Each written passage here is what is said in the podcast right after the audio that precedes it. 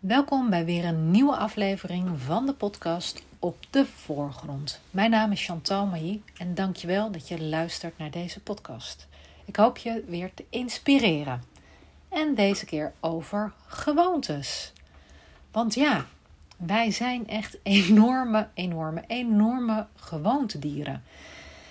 En ja, aan de ene kant is het heel fijn want door die gewoontes ja, hoeven we er niet zoveel over na te denken.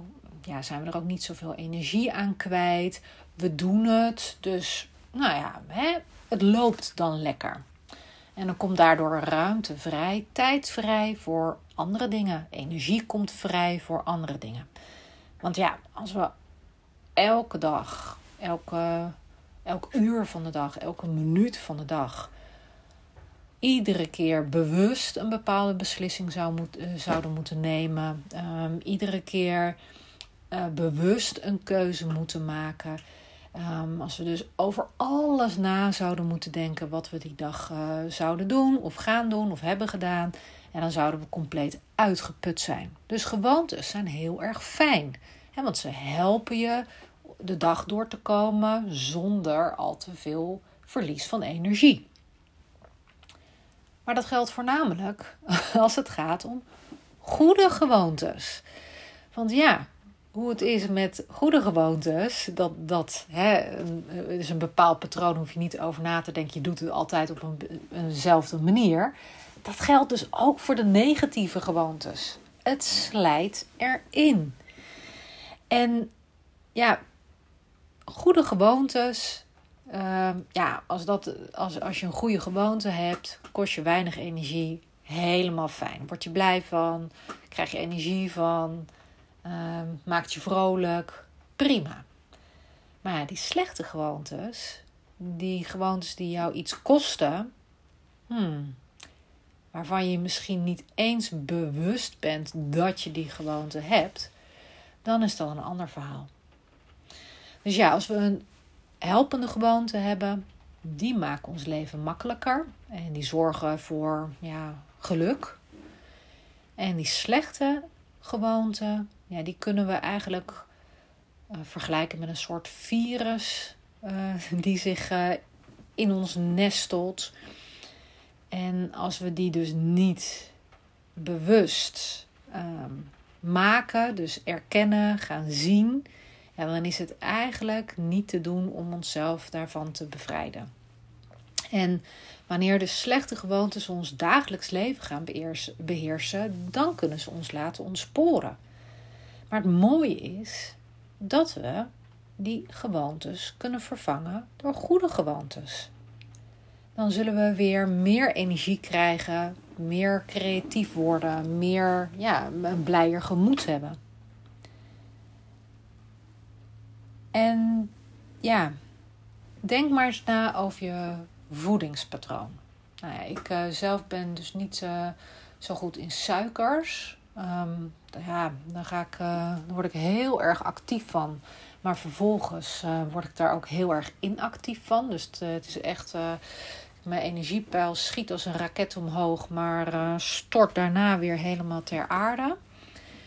Um, maar goed, ik kwam erachter toen ik uh, daarmee aan de slag ging met het beperken van mijn suikerinname. Ja, op hoeveel gewoontes je dan niet stuit.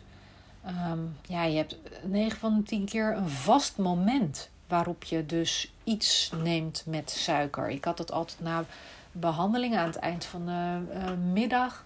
Dan uh, had ik altijd eventjes dat ik even een kwartiertje voor mezelf had. Even ertussendoor. En wat nam ik dan? Dan nam ik altijd iets lekkers, iets met suiker. Want dat gaf me net weer dat stukje energie om dan ook die laatste uh, ja, uren vol te maken. En het was dus, ik dacht er helemaal niet over na of ik het nodig had, wat het me opleverde, helemaal niet. Nee, ja, dat kwartiertje, dan stond dat iets lekkers op het plan. Maakt niet uit wat het was, als het maar iets van suiker was. En um, maar ik ben ermee uh, gestopt. Ik heb het vervangen door een andere gewoonte. Want ik kwam er ineens achter dat ik dacht: ja, waar ben ik nou eigenlijk helemaal mee bezig? Dat is helemaal niet handig. En ik uh, ben dan aan, aan het eind van al die behandelingen ben ik helemaal compleet uh, uitgeblust. En niet omdat ik dan de behandelingen niet leuk vind of dat ik daar geen energie van kreeg, maar juist omdat ik eerst een sugar rush had en daarna een sugar dip. Dus ja, ik heb een nieuwe gewoonte aangeleerd. en dat was sowieso geen suikerproducten dan in huis hebben. Dus uh, niet op de praktijk hebben. Uh, en dan had ik uh, iets van noten of iets van groenten. En daar verving ik dus die slechte gewoonte mee. En wat een hele mooie oefening ook is, is dat je eerst gaat bedenken van oké, wat is nou mijn slechte gewoonte? En dat je gaat bedenken, wanneer heb ik die slechte uh, gewoonte? Op welk moment? Wanneer komt er ineens poep oppoppen? He, ik had echt een heel duidelijk patroon met dat suikerverhaal. Um, en ik koppelde er ook een emotie aan. Hè? Dus de, ja, uh, vermoeidheid of uh, geen energie hebben. Terwijl ja, ik dat ook had op kunnen lossen door even gewoon een momentje buiten te gaan lopen. Of noem maar ja, of iets anders of iets te lezen of even een ademoefening te doen. Nou ja, dus bedenk, vult zelf maar in. Maar goed, je kan je dan ook vervolgens afvragen welke beloning je krijgt als je je houdt aan die slechte gewoonte. Want er zit 9 van de 10 keer een beloning achter, ook achter slechte gewoontes. En het is heel fijn om te weten wat die beloning dan is. En je kunt je dan bedenken door welke gezonde gewoonte je uh, het zou kunnen vervangen, waardoor je een vergelijkbare beloning krijgt. Dat is heel fijn.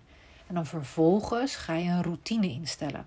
Dus dan ga je iedere keer op hetzelfde moment, ga je het herhalen. Herhalen, herhalen, herhalen en nog eens herhalen. En dan zal je zien dat na verloop van tijd dat je een nieuwe gewoonte hebt aangeleerd. Een goede gewoonte ter vervanging van een slechte gewoonte. Dus, ik ben heel benieuwd welke gewoonte, uh, aan welke gewoonte jij nu denkt van oeh, Chantal, ja, dat is eigenlijk wel een hele slechte gewoonte. Ik doe het dan en dan en dan. Want. En hoe ga ik die gewoonte veranderen? Laat het me weten via een DM'tje, via Instagram. Chantal Mailly, streepje. Schrijf je M-A-I-L-L-Y. Of via de website chantalmailly.nl. Ik ben heel benieuwd naar je slechte gewoontes. Ik ben nog benieuwder naar welke goede gewoonte jij daarvoor in de plaats gaat brengen. Ik wens je een mooie dag toe. Doeg!